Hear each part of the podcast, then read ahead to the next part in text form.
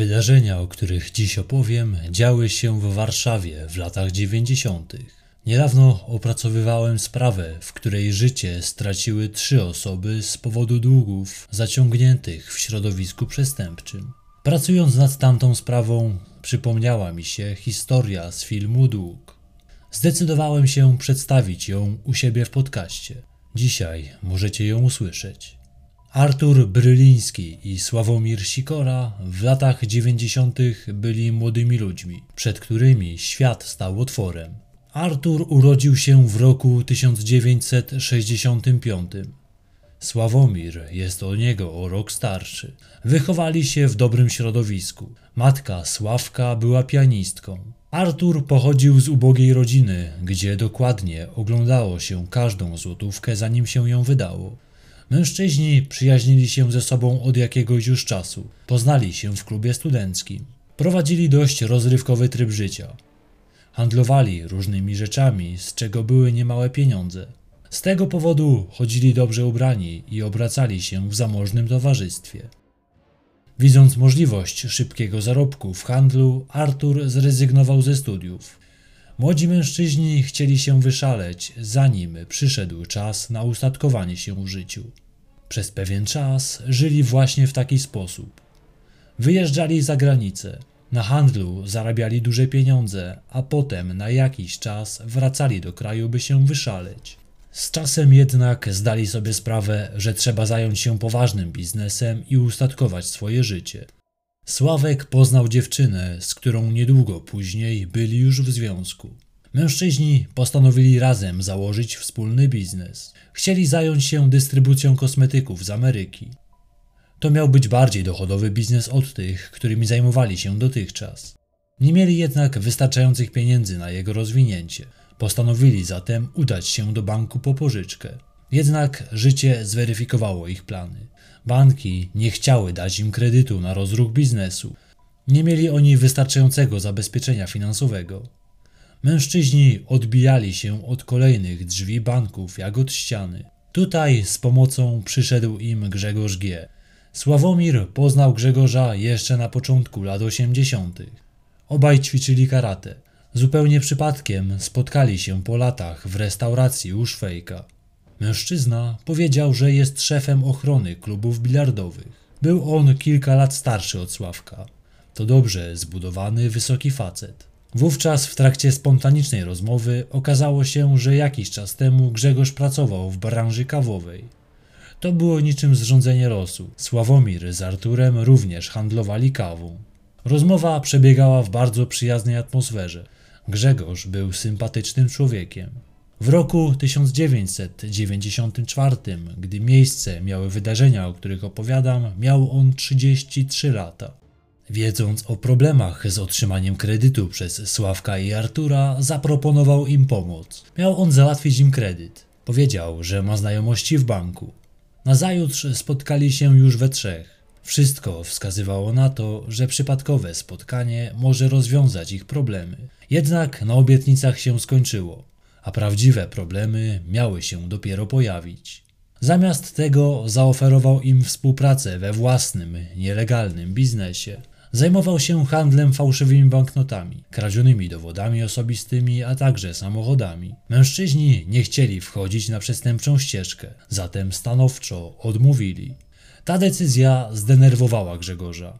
Jakiś czas później przyszedł do Artura i zażądał od niego zwrotu fikcyjnego długu w wysokości 1500 dolarów. Za co? Za czas, który poświęcił im w dobrej wierze, chcąc pomóc w zdobyciu kredytu. Mężczyzna nie owijał w bawełnę. Naprawdę chciał otrzymać te pieniądze. Zaczęły się groźby. Później dług ten podzielił na Artura i Sławka. Pewnego dnia pojawił się w domu Sławomira w towarzystwie kilku mężczyzn. Zawieźli go autem w jedno miejsce. Tam pokazali mu, jak torturowali człowieka. Miało to być ostrzeżenie przed tym, co czeka go, jeżeli nie będzie płacił pieniędzy. Mimo wszystko Artur i Sławomir sądzili, że sprawa jakoś się rozmyje. Postanowili zerwać kontakt z Grzegorzem. Sądzili, że cała ta sytuacja to jedna wielka pomyłka, o której niedługo zapomną. On jednak nie miał zamiaru o niczym zapominać. Pojawił się u Sławka razem z kilkoma umięśnionymi mężczyznami ze wschodnim akcentem. Najprawdopodobniej byli to Rosjanie z tamtejszego środowiska przestępczego. Zaprosił go do auta. Tam w żartobliwym tonie wspomniał o długu, który on i Artur mają do spłacenia. Następnie szturchnął go, niby dla żartów. Po pozornie spokojnej wymianie zdań, Sławomir wysiadł z auta. Jednak Grzegorz dał jasny sygnał, że będzie chciał te pieniądze. Mężczyźni w najbliższym czasie starali się go unikać. On jednak zawsze wiedział, gdzie ich szukać i często wpadał na nich w różnych miejscach, zawsze z obstawą. Wówczas wcześniej żartobliwe wzmianki o długi zamieniły się w otwarte groźby podszyte przemocą. Zazwyczaj nachodził ich, gdy byli w pojedynkę. Zaciągał wtedy pod groźbą w ustronne miejsce, a jego umieśnieni koledzy używali pięści i nóg. W końcu zarówno Artur, jak i Sławomir ugięli się. Zapłacili żądaną kwotę, ale to dla Grzegorza był tylko początek gry o naprawdę duże pieniądze. Po tej spłacie stwierdził, że to za mało. Przecież musiał poświęcić czas na ściąganie długu i zaangażował do tego ludzi, którym też trzeba zapłacić. Kwota znów urosła. Zamiast pięści zaczął grozić nożem i pistoletem, który wyciągał w miejscach publicznych, zupełnie się z tym nie kryjąc. Życie mężczyzn, którzy chcieli założyć nowy biznes, zmieniło się w piekło, a później wcale nie miało być lepiej. Gdy Grzegorz nadal nie otrzymał zażądanej kwoty, pobił Artura. Zmusił go, by wystawił czeki bez pokrycia, a także sfingował kradzież garniturów w sklepie, w którym pracował. Czeki były wystawione na konto założone przez Sławka. W ten sposób obaj mieli spłacić swoje długi. Łącznie spłacili Grzegorzowi około 100 milionów starych złotych. Mężczyzna zdawał się być usatysfakcjonowany takim obrotem spraw. Powiedział, że są kwita. Co prawda, Artur i Sławomir będą mieli poważne problemy z bankiem, ale uznali, że to lepsze rozwiązanie niż Grzegorz, który zdawał się być zdolny do wszystkiego. Mężczyźni rozstali się i wszystko wskazywało na to, że więcej się nie spotkają. Artur i Sławomir wiedzieli, że mogą już zapomnieć o biznesie, który im się marzył. Znaleźli pracę i liczyli, że uda im się spłacić zadłużenie wobec banku. Jednak niedługo później Artur został zatrzymany przez policję w związku z lewymi czekami, które wystawił. Wyjaśnił przesłuchującym go policjantom, w jakich okolicznościach znalazł się razem ze swoim kolegą. Poprosili go o podanie nazwiska mężczyzny, który im groził.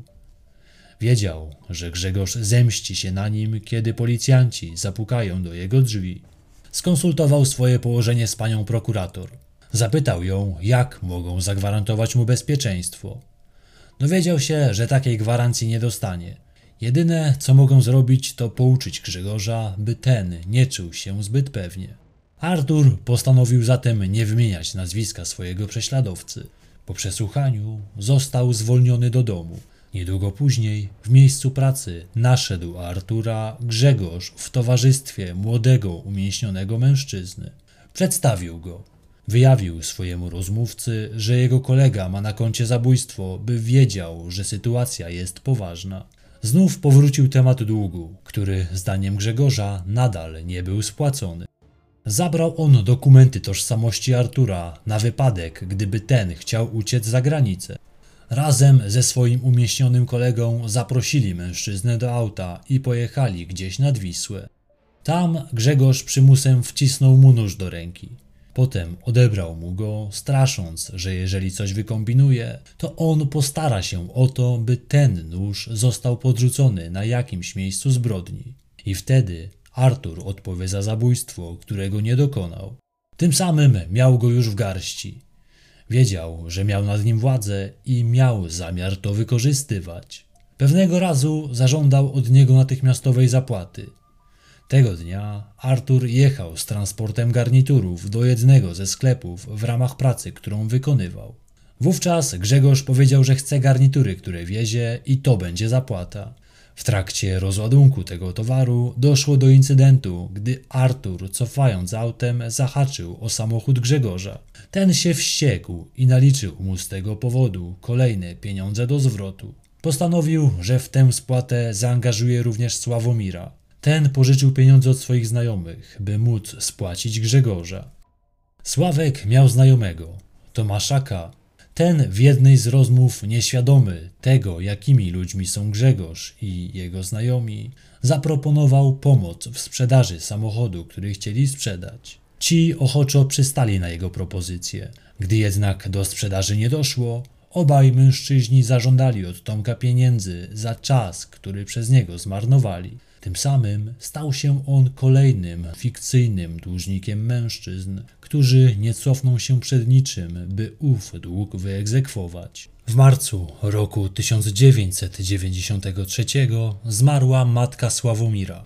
Kobieta miała zawał serca. W dniu pogrzebu o godzinie 6 rano Sławomir został wyrzucony z łóżka przez pukanie do drzwi. Okazało się, że były to dwie policjantki, które przyszły go aresztować w sprawie wypisanych 25 lewych czeków. Sfrustrowany całą sytuacją, Sławomir zapytał jedną z policjantek, czy gdyby chodziło o haracz, to też by go zatrzymali. Ona odpowiedziała mu z rozbrajającą szczerością. No co pan, tak bywa w amerykańskich filmach. Wezwalibyśmy go i pouczyli. Grzegorz cały czas nachodził każdego z dłużników. Nierzadko w towarzystwie kilku Rosjan, by pokazać swoją siłę. Najczęściej odwiedzali każdego z osobna. Wywozili do lasu, gdzie grozili śmiercią. W samochodzie krępowali ich przy pomocy taśmy, czasem przy pomocy sznura, a innym razem paska. W lesie byli wieszani na drzewie, nogami do góry, a także bici kijem baseballowym. Sławomir kilkukrotnie był wywożony do lasu. Dwa razy natomiast został zmuszony do kopania dołu w ziemi. Grzegorz powiedział mu, że kopie swój własny grób. Sławek woził w bagażniku duże worki foliowe. Jego oprawca powiedział mu, że zostanie zakopany właśnie w jednym z takich worków. Nie wiedząc skąd brać pieniądze, Sławomir odezwał się do mężczyzny, który był jego dłużnikiem. Nazwijmy go Rafał. Ten jednak twierdził, że nie miał z czego oddać mu pieniędzy. Wówczas Sławek zdecydował się powiedzieć Grzegorzowi, że Rafał nie chce oddać mu swojego długu. Ten postanowił wymusić opłatę w dobrze już znany sobie sposób. Zadziałało. W tym czasie terroryzowani mężczyźni, chcąc bronić swoich najbliższych, mieszkali sami, w pewien sposób się odcinając. Byli przekonani, że w ten sposób uda im się utrzymać ich z dala od Grzegorza. Okazało się jednak, że mężczyźni dotarli do narzeczonej Sławomira. Gdy wracali od Rafała, Grzegorz w samochodzie pokazał Sławkowi zdjęcie jego narzeczonej zrobione z ukrycia, gdy ta wychodziła z pracy. Mężczyzna zagroził dłużnikowi, że jeżeli nadal nie będzie współpracował jak należy, to on uprowadzi jego ukochaną, a potem wywiezie do domu publicznego. Gdy już tam będzie, wyśle mu nagranie, jak kobieta będzie gwałcona. Sławek był przerażony. Zdawał sobie sprawę, że pętla na jego szyi się zaciska, a w dodatku jego najbliżsi są w niebezpieczeństwie. Udał się do prokuratury, by zgłosić groźby, które względem jego narzeczonej kierował Grzegorz. Tam jednak usłyszał, że opowiada brednie. Arturowi grożono, że porwą jego sześcioletniego siostrzeńca. Nie wiedział, jak zapewnić bezpieczeństwo swoim bliskim. Czuł bezradność. Nie wiedział, jak poradzić sobie z tą sytuacją. Zdawał sobie sprawę, że policja mu nie pomoże. Grzegorz zademonstrował pewnego razu swoje znajomości wśród policjantów. Wówczas Sławomir leżał skrępowany na tylnym siedzeniu auta, którym jechał. Grzegorz stanął wtedy pod komendą policji i wykonał telefon.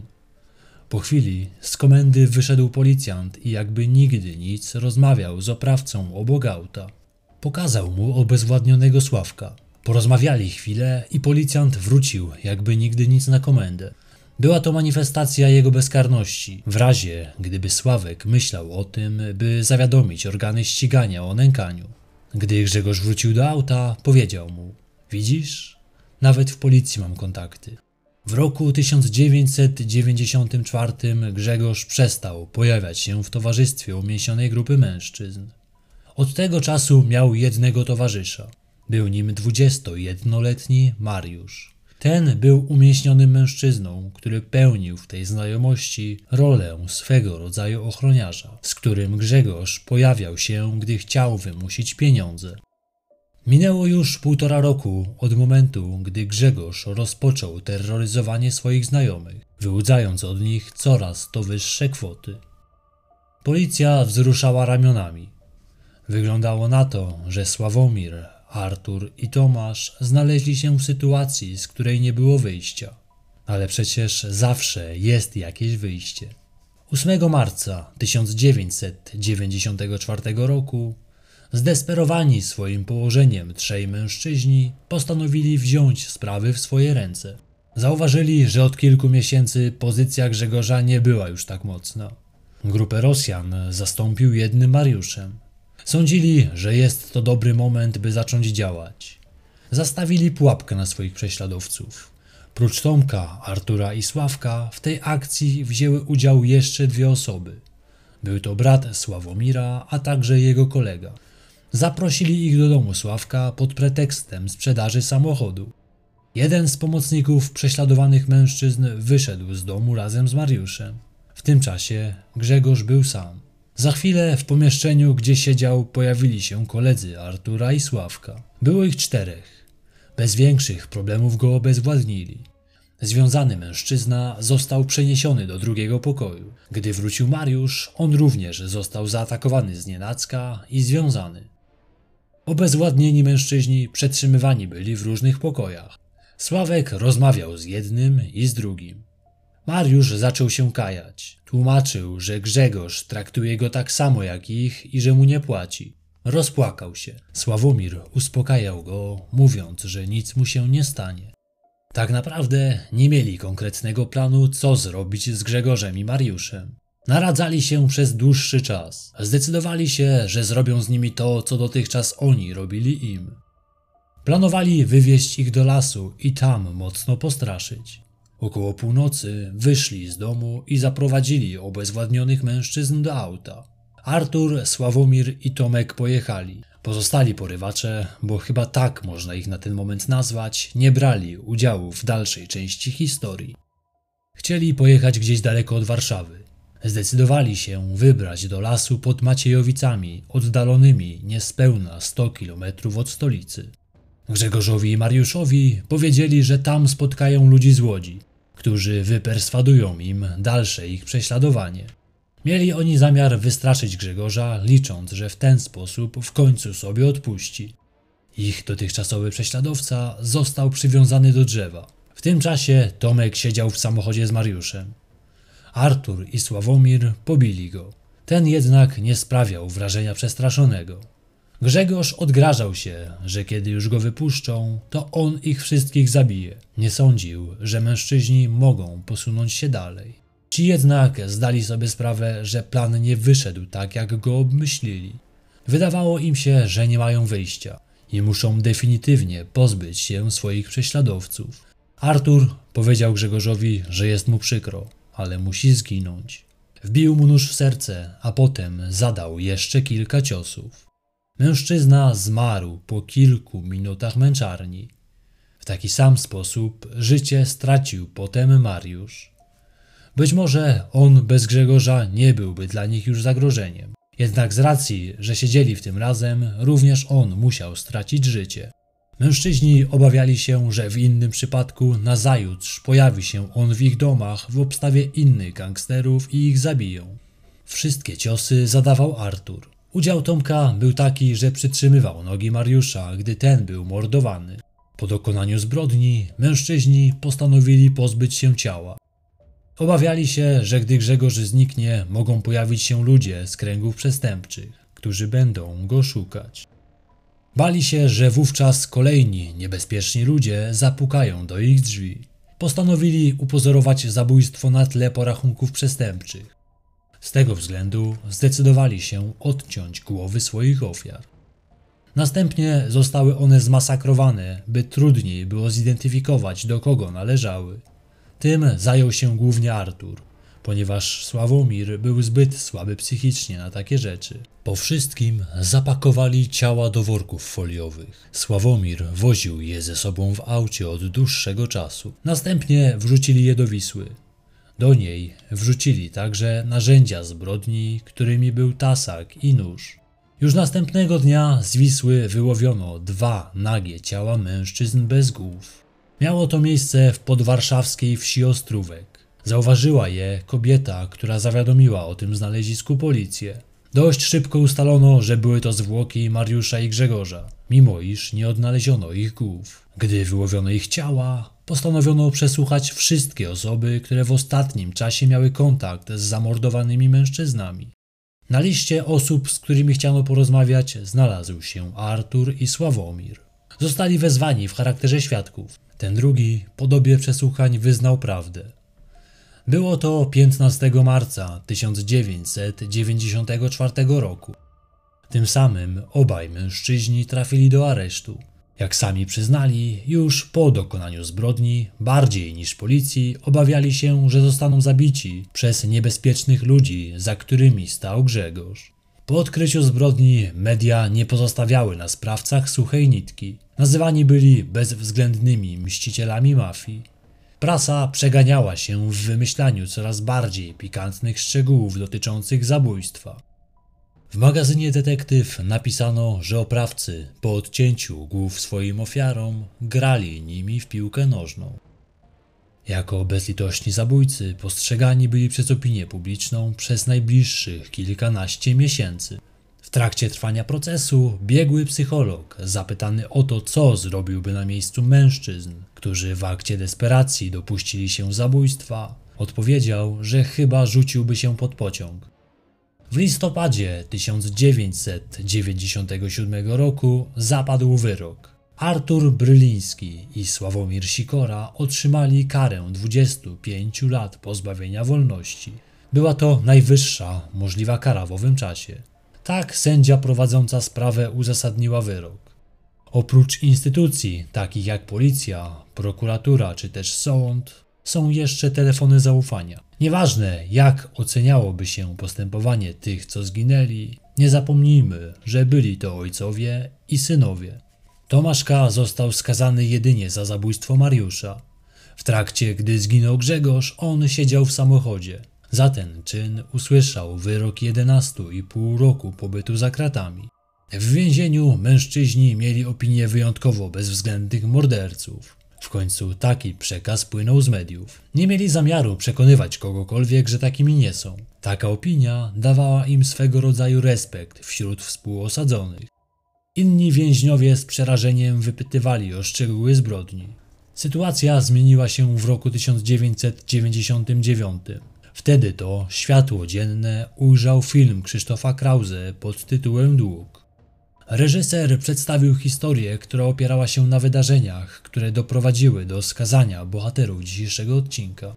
Osobiście jest to jeden z moich ulubionych polskich filmów. Jerzy Morawski, scenarzysta filmu, a także Krzysztof Krause przeprowadzili rozmowy z Arturem i Sławomirem. Ten drugi przez jakiś czas wahał się, czy wziąć udział w takiej rozmowie, gdyż obawiał się, że jego słowa zostaną przekręcone i pojawi się kolejny, negatywny przekaz medialny. Skazani nie wiedzieli, że ich relacje zostaną wykorzystane w filmie fabularnym. Sądzili, że powstanie z tego tylko dokument. Okazało się, że premiera tego filmu z początku nie do końca przysłużyła się skazanym za podwójne zabójstwo więźniom. Sławomir Sikora opowiadał w jednym z wywiadów, że wtedy skończyła się wersja z psycholem, którego więźniowie się obawiali. Po obejrzeniu filmu mężczyzna stracił szacunek wśród części osadzonych. Stał się dla nich frajerem. Jego obecność w tamtym więzieniu musiała się zakończyć, gdyż mogło dojść do rozlewu krwi, z którego nie wyszedłby cało. W nowym więzieniu postanowił mocno przybrać na masie mięśniowej by wzbudzać szacunek wśród współosadzonych. Brał sterydy, by szybko pojawiły się mięśnie. Pomogło. Później rozpoczął pracę w radiowęźle. Postanowił, że będzie pomagał współwięźniom wracać na dobrą drogę. Wspierał ich w walce z nałogiem, jakim było zażywanie narkotyków. Odciągał ich od grypsowania.